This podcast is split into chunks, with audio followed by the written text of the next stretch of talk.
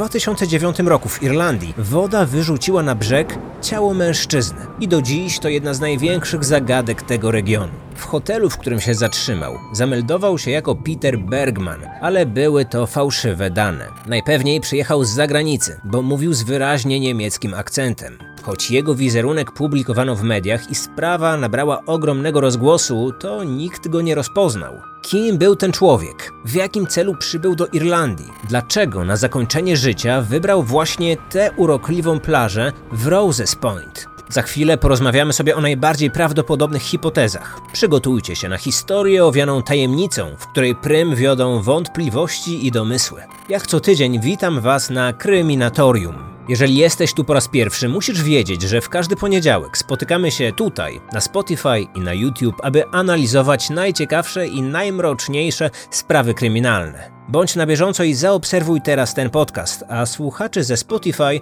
uprzejmie proszę o zostawienie gwiazdkowej oceny w serwisie. Kryminatorium. Otwieramy akta tajemnic. We wczesny wtorkowy poranek 16 czerwca 2009 roku plaża Roses Point w pobliżu irlandzkiego miasteczka Sligo niemal cała pokryta była gęstą mgłą.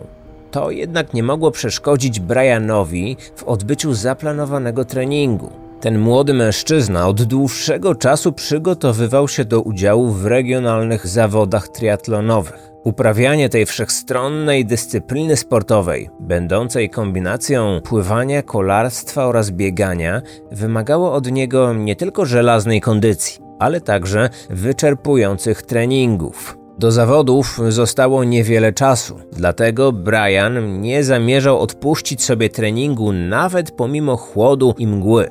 Mieszkającego na przedmieściach Sligo zawodnika na plażę podwiózł jego ojciec. Artur brał czynny udział w treningach swojego syna. Razem z nim biegał, jeździł na rowerze i pływał. Mierzył mu czas i zagrzewał do jeszcze większego wysiłku. Z uporem maniaka powtarzał, że tylko trening czyni mistrza.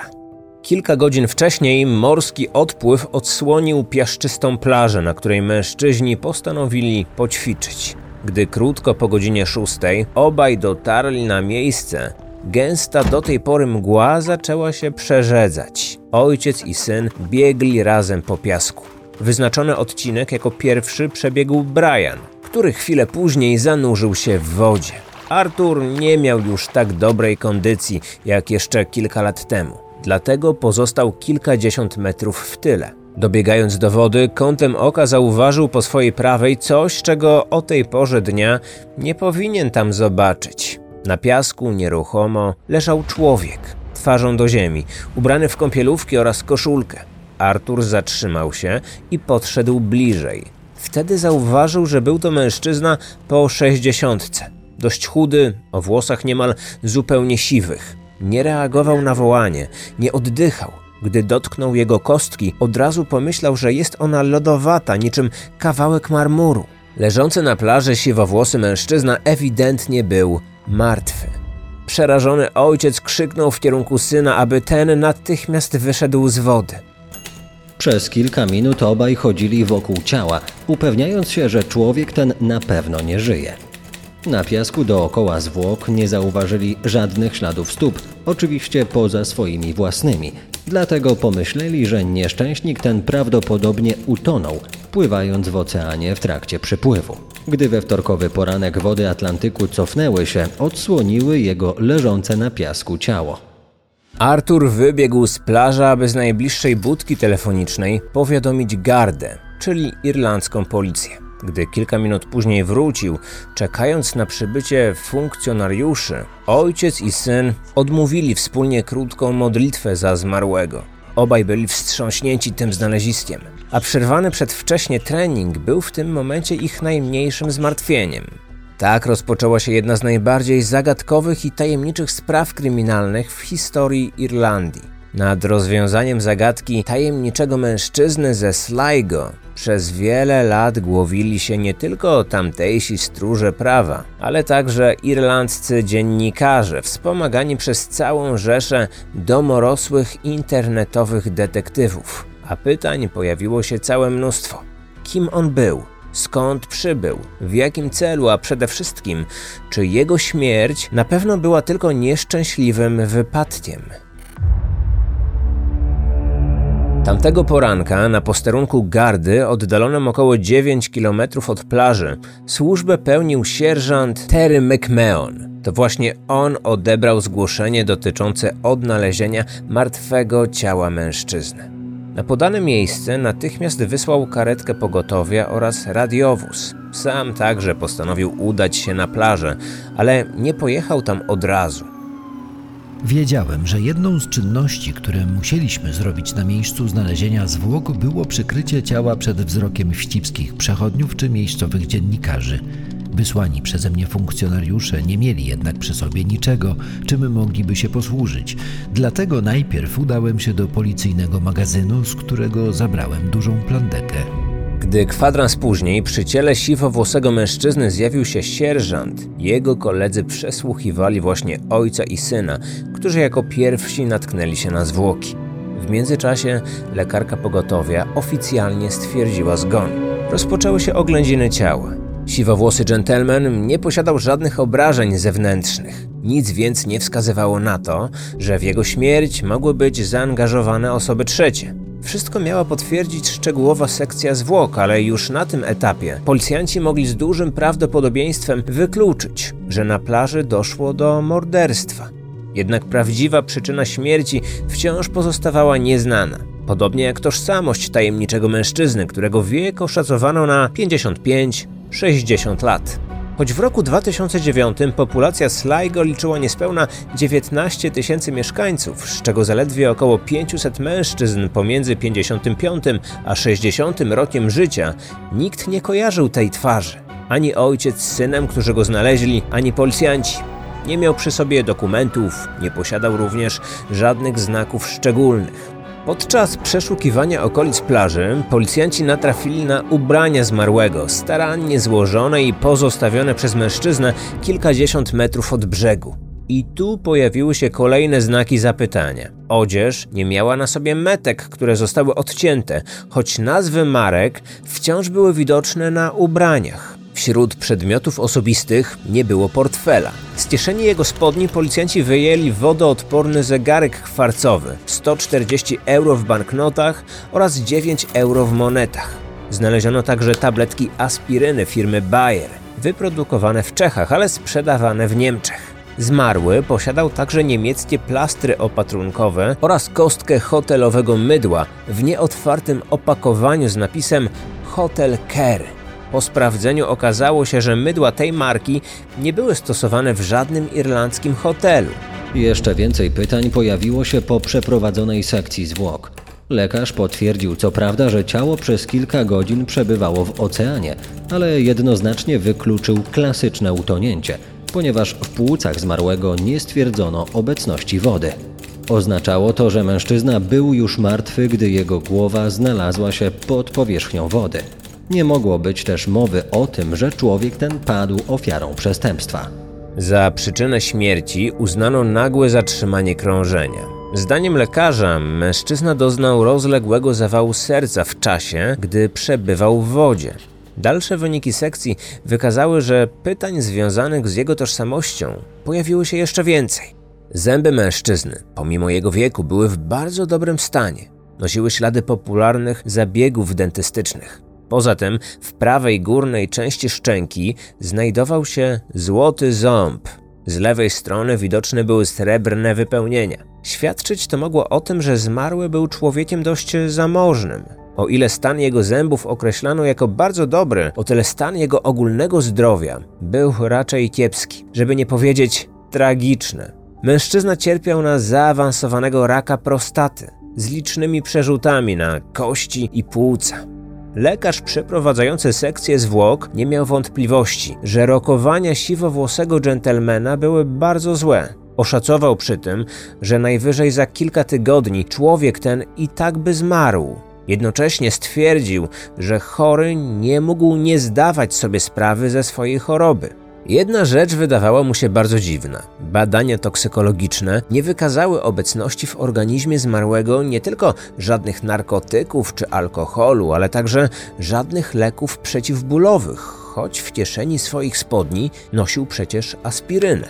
Zdaniem lekarza, pacjent z tak zaawansowanym rakiem musiał odczuwać ogromny ból. W takich sytuacjach chorzy przyjmują zwykle bardzo silne środki przeciwbólowe, wydawane wyłącznie na receptę. Tymczasem tajemniczy mężczyzna z plaży najwyraźniej nie próbował niczym złagodzić swojego bólu.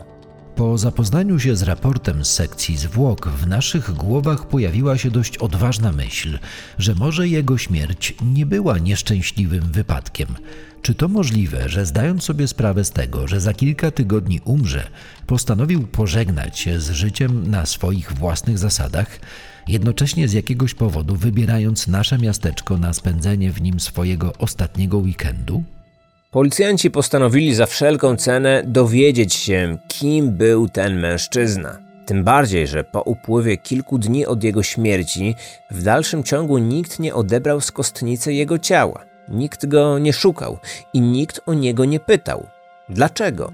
Czy był Irlandczykiem, a może pochodził z zupełnie innego kraju? Jeśli tak, to dlaczego zdecydował się zawitać do małego nadmorskiego miasteczka? Czyżby miał tu rodzinę lub znajomych? Kogo powinno się powiadomić o jego śmierci? Wiele pytań i praktycznie żadnych odpowiedzi. Nie mając punktu zaczepienia, śledczy postanowili przejrzeć wszystkie możliwe nagrania miejskiego monitoringu. A że w Sligo kamery przemysłowe były niemal na każdym kroku, szybko trafili na pierwszy ślad. Później kolejny. Zbierając do kupy wszystkie kawałki układanki, krok po kroku, śledczym udało się ustalić chronologiczny przebieg wizyty tajemniczego mężczyzny w ich mieście. Pomogły w tym zeznania osób, które z różnych powodów spotkały go na swojej drodze. Jednak im więcej policjanci o nim wiedzieli, tym mniej byli w stanie zrozumieć. A nagrania, zamiast dać odpowiedź na nurtujące pytania, jeszcze je pomnożyły. 12 czerwca 2009 roku, dokładnie o godzinie 18.28, na peron dworca autobusowego w Sligo wjechał autobus z miasta Derry w Irlandii Północnej. Wśród kilku wysiadających z pojazdu pasażerów był także on. Krótko ostrzyżony, siwowłosy mężczyzna w okularach w wieku około 60 lat. Szczupły o wzroście około 180 cm. Ubrany w czarną skórzaną kurtkę oraz spodnie w podobnym kolorze. Miał przy sobie dwie czarne torby. Jedną dużą, podróżną i jedną małą, przewieszoną przez ramię i przypominającą torbę na laptopa. Od samego początku sprawiał wrażenie, że znalazł się w zupełnie obcym sobie miejscu. Choć jedyny przystanek autobusowy w tym miasteczku znajdował się w odległości zaledwie 500 metrów od najbliższego hotelu, czyli około 7 minut spacerem, mężczyzna zdawał się nie mieć o tym pojęcia. Zamiast tego podszedł do postoju taksówek, gdzie poprosił jednego z taksówkarzy o podwiezienie go do niedrogiego hotelu. Uczynny kierowca, zapewne domyślając się, że jego klient w ogóle nie zna miasta, zawiózł go okrężną drogą do pensjonatu położonego znacznie dalej. Tam jednak nie było już wolnych pokoi. Recepcjonista tłumaczył, że był piątkowy wieczór, do tego początek letniego sezonu. Korzystając z tej samej taksówki, mężczyzna dojechał do Sligo City Hotel. Tam były jeszcze miejsca, a ceny dość przystępne, w okolicach 65 euro za noc. Przybysz nie miał wymaganej w tym hotelu rezerwacji, a mimo to otrzymał pokój. Zapłacił za niego z góry gotówką za trzy doby. Choć recepcjonista miał obowiązek zażądać od gościa okazania dowodu tożsamości, z jakiegoś powodu tego nie zrobił. Zamiast tego podał mężczyźnie formularz, aby ten wpisał dane osobowe. Siwowłosy 60-latek podał w nim swoje imię i nazwisko Peter Bergman. Jako adres zamieszkania wskazał stolicę Austrii Wiedeń. Podczas swojego weekendowego pobytu w hotelu Bergman nie rzucał się w oczy. Z nikim nie rozmawiał. Gdy ktoś witał go słowami dzień dobry, odpowiadał uprzejmym skinieniem głowy. Recepcjonista zeznał, że mężczyzna mówił bardzo dobrze po angielsku, ale z wyraźnie słyszalnym niemieckim akcentem. Nie było w tym nic dziwnego, biorąc pod uwagę, że hotelowy gość sam podał, że mieszka w Austrii. Ze swojego pokoju wychodził tylko w dwóch celach. Jednym z nich było zapalenie papierosa, drugim spacer po mieście. Na podstawie nagrań z kamer umieszczonych przy recepcji ustalono, że przez trzy dni opuścił hotel łącznie 13 razy. Za każdym razem w ręku trzymał niewielką plastikową torebkę w kolorze fioletowym, wyraźnie wypchaną jakimiś rzeczami, ale gdy po kilku godzinach wracał, już tej torby nie miał. Policjanci doszli do wniosku, że mężczyzna wychodził, aby pozbyć się zawartości tej torby. Co w niej było? Nie wiadomo. Być może jego rzeczy osobiste, a może zwykłe śmieci, których z jakiegoś powodu nie chciał zostawić w hotelowym koszu. Choć przeszukano całe miasto, nigdy nie zlokalizowano ani zawartości, ani samej torby. Tu też pojawiły się dwie opcje. Albo Bergman używał jednej torby, którą po opróżnieniu chował do kieszeni, albo takich reklamówek miał kilka i za każdym razem je wyrzucał. Na nagraniach z monitoringu nie trafiono na moment pozbywania się przez niego fioletowej torby. Zupełnie jakby świadomie wykorzystywał martwe punkty kamer, aby nikt nie przyłapał go na wyrzucaniu zawartości.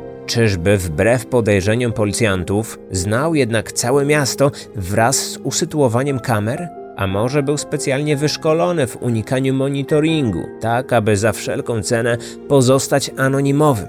Przeszukano wszystkie kosze na śmieci oraz miejskie wysypisko. Nigdzie nie odnaleziono fioletowych toreb, które siwowłosy mężczyzna wynosił z hotelu.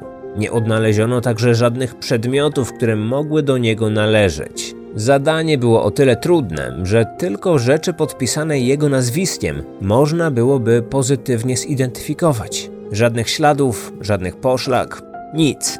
Sprawdzono adres, który podał w formularzu podczas zameldowania. Okazało się wtedy, że nie ma w Wiedniu takiej ulicy. Dodatkowo kod miasta, który podał, był błędny. Policjanci zaczęli podejrzewać, że człowiek ten celowo podał fałszywe dane, aby uniknąć identyfikacji. To zrodziło kolejne pytanie: dlaczego to zrobił? Czy przed kimś lub przed czymś uciekał? A może był szpiegiem? Tylko po co miałby to robić, skoro zdaniem lekarza umarłby za kilka tygodni? Śledczy szli jeszcze dalej w swoich domysłach. Biorąc pod uwagę jego fatalny stan zdrowia i nieuchronnie zbliżającą się śmierć, czy mógł on przybyć do miasta tylko po to, aby w nim umrzeć? Czy na rozstanie się z tym światem wybrał sobie konkretny weekend? Nic tu do siebie nie pasowało. Nie został przez nikogo zamordowany, nie odebrał sobie życia. Przyczyną jego śmierci był zawał serca. Czy mógł go przewidzieć z aż taką dokładnością? Czy dlatego wcześniej pozbył się wszystkich rzeczy, które mogłyby go zidentyfikować? Nie mogło także zabraknąć najważniejszego z pytań. Czy Peter Bergman rzeczywiście był Peterem Bergmanem? Jeśli podał fałszywy adres, to dlaczego miałby podać prawdziwe nazwisko? Śledczy, chcąc poznać szczegóły pobytu tajemniczego mężczyzny w irlandzkim miasteczku, wrócili do sprawdzania zapisów z monitoringu. W sobotę następnego dnia po zameldowaniu Peter udał się na pocztę. Tam kupił 10 znaczków. Za każdy z nich zapłacił 85 centów, czyli dokładnie tyle, ile wynosiła opłata za wysłanie listu za granicę. Zlokalizowaliśmy wszystkie skrzynki pocztowe na terenie miasta. Każda z nich znajdowała się w obszarze zasięgu kamery przemysłowej. Przejrzeliśmy setki godzin nagrań. I nic. Żadna z kamer nie zarejestrowała momentu, w którym człowiek ten cokolwiek wysłał. Poza wizytą na poczcie i zakupem znaczków, tego dnia Bergman znów kilka razy opuścił hotel z fioletową torbą w ręku. Gdy wracał, już jej nie miał. Jak zwykle wychodził ze swojego pokoju zapalić papierosa. Z nikim nie rozmawiał. Na każdym hotelowym nagraniu był zupełnie sam. W niedzielę nieco zmienił swój rytuał. Około godziny 11 wsiadł do taksówki. Zapytał kierowcę o spokojną plażę, gdzie mógłby popływać. Taksówkarz zabrał go na plażę o nazwie Roses Point, oddaloną o 7 km od hotelu. Przy okazji zapamiętał swojego klienta jako mężczyznę niezwykle cichego, spokojnego i bardzo dobrze ubranego. Nie miał przy sobie żadnego bagażu. O sobie mówił niewiele. Zapytany o imię, odmówił jego podania. Przyznał jedynie, że pochodzi z Austrii. Gdy dotarli na miejsce, ku zdziwieniu kierowcy, Bergman nie wysiadł z samochodu. Zamiast tego zapytał, jakie autobusy kursują z miasta na plażę. Po uzyskaniu odpowiedzi kazał zawieźć się na dworzec autobusowy, na którym wysiadł. Chwilę później kupił w kasie bilet autobusowy na następny dzień. Kierunek plaża Roses Point. Tylko w jedną stronę, choć kasjerka namawiała go na skorzystanie z promocji. Przy zakupie także biletu powrotnego. Policjanci zaczęli się zastanawiać, czyżby już wtedy przeczuwał, że z tej plaży nie wróci? A może planował nie wrócić? Po powrocie do hotelu podszedł do recepcji. Poprosił o możliwość późniejszego wymeldowania, które miało nastąpić następnego dnia. Uzyskał na to zgodę, zamiast do godziny 12 swój pokój pozwolono mu opuścić do godziny 13. Tak też zrobił i był przy tym bardzo punktualny. Na nagraniu widać, jak nerwowo czeka na pojawienie się recepcjonisty. Później kładzie klucz na blacie recepcji i odchodzi bez słowa.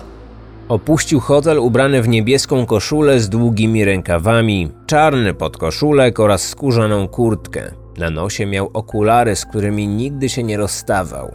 Miał przy sobie dwie torby, te same, z którymi się zameldował trzy dni wcześniej. Oprócz nich w ręku trzymał fioletową torbę, ewidentnie czymś wypchaną.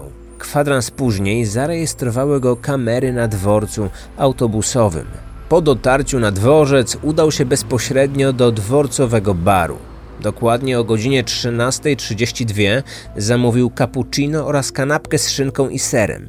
Następnie usiadł przy stoliku, przy którym siedział już inny mężczyzna. Bergman nie przywitał się z nim, nie odzywał się ani słowem. Pijąc i jedząc, wyjął z kieszeni zwiniętą kartkę papieru oraz ołówek. Rozłożył ją, coś na niej zapisał, a później przez dłuższą chwilę w skupieniu czytał swoje notatki. Wydawał się być nimi wyraźnie zainteresowany. Gdy tylko skończył, od razu podarł kartkę na drobne kawałki, które zostawił na stole.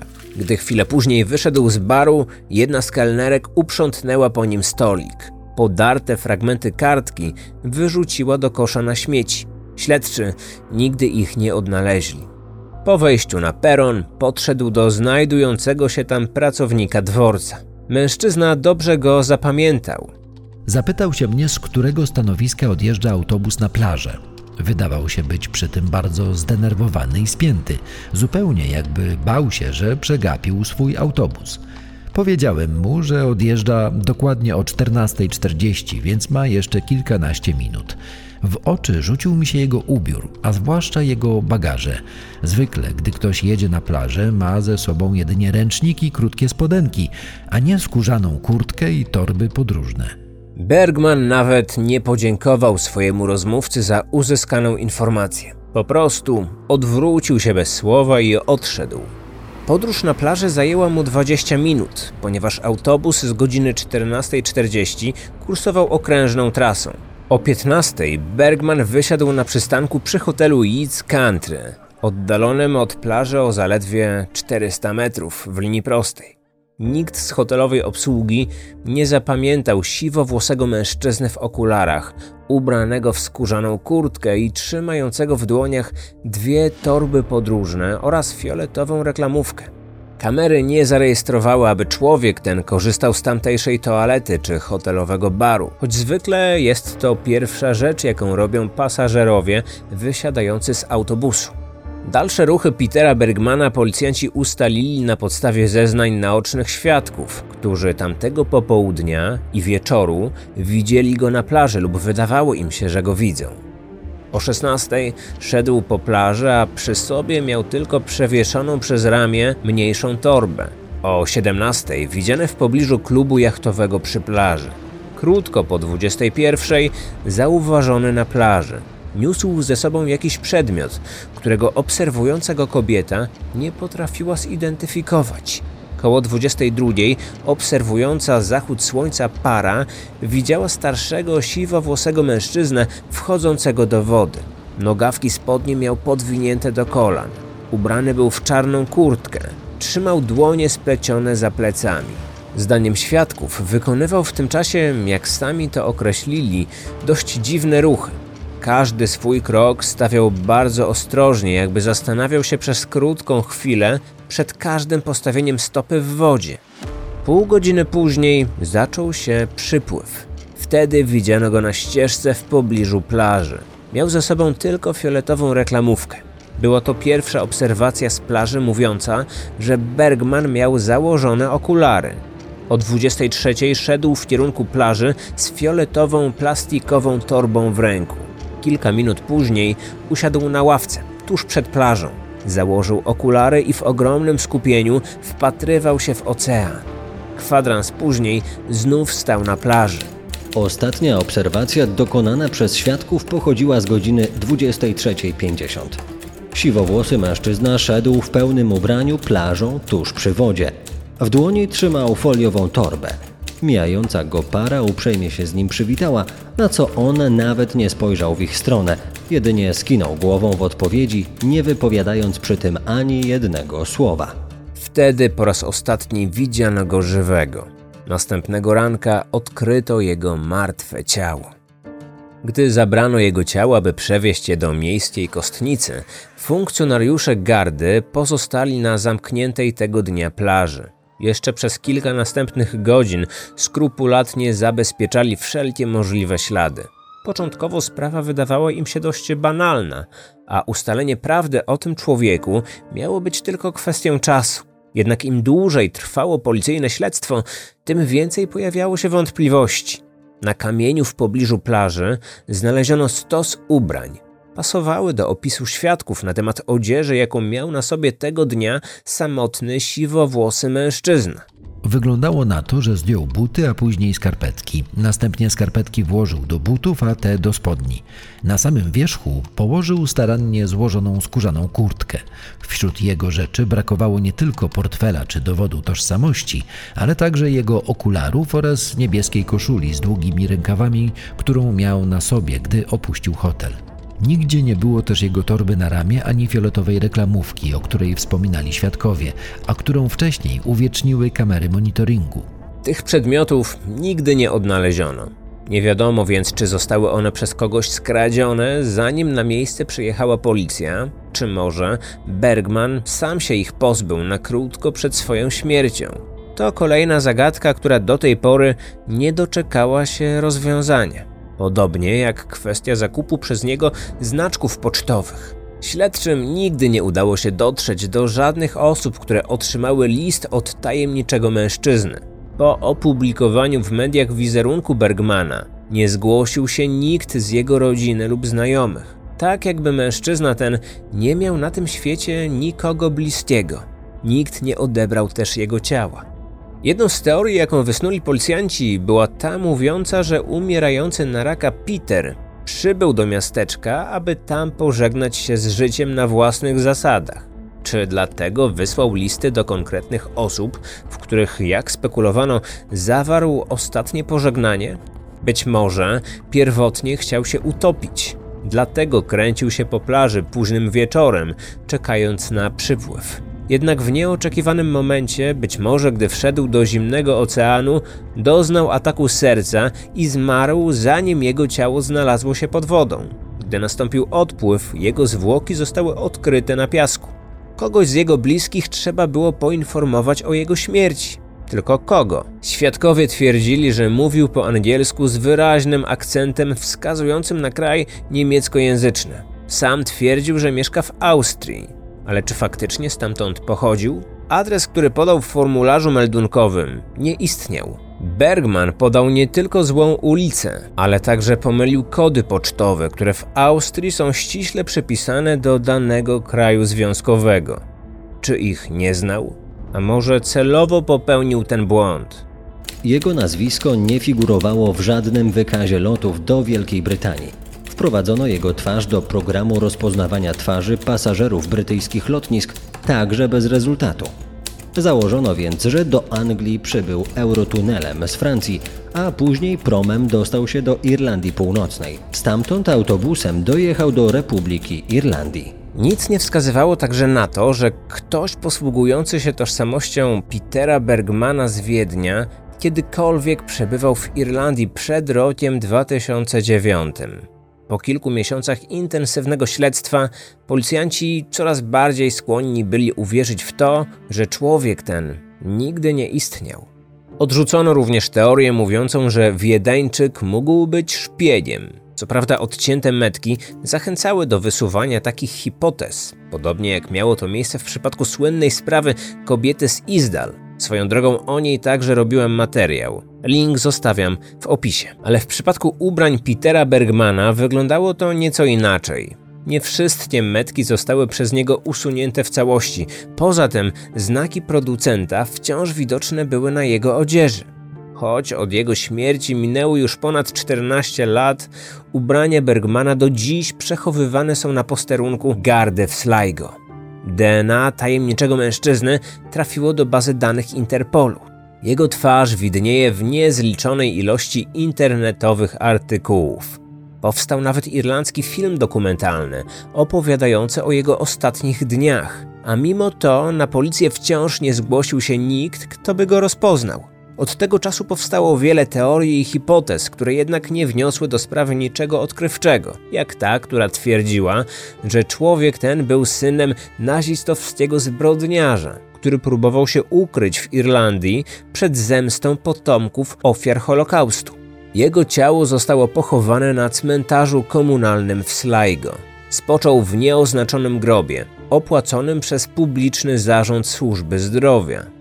Choć obecnie śledztwo w jego sprawie jest zawieszone, irlandzcy policjanci nadal nie tracą nadziei na to, że w końcu uda im się tę zagadkę rozwiązać. Oni sami nazywają zawieszenie grą na przeczekanie. Porównują to do komputera, który znalazł się w trybie uśpienia, ale wystarczy tylko jeden ruch myszką, aby komputer znów zaczął pracować. Mocno wierzą, że któregoś dnia pojawi się ktoś, kto delikatnie poruszy tą myszką i opowie im prawdziwą historię Petera Bergmana, człowieka, który wybrał ich malownicze miasteczko na swoją śmierć.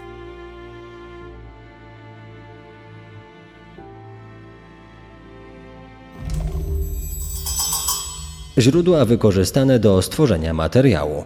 Film dokumentalny zatytułowany The Last Days of Peter Bergman, wyprodukowany przez studio The Irish Film Board w roku 2013.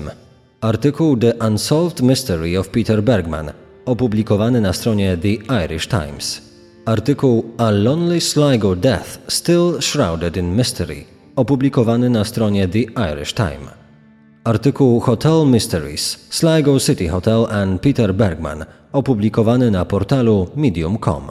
Artykuł The Peter Bergman Case, Will It Ever Be Solved, opublikowany na portalu The Crime Wire.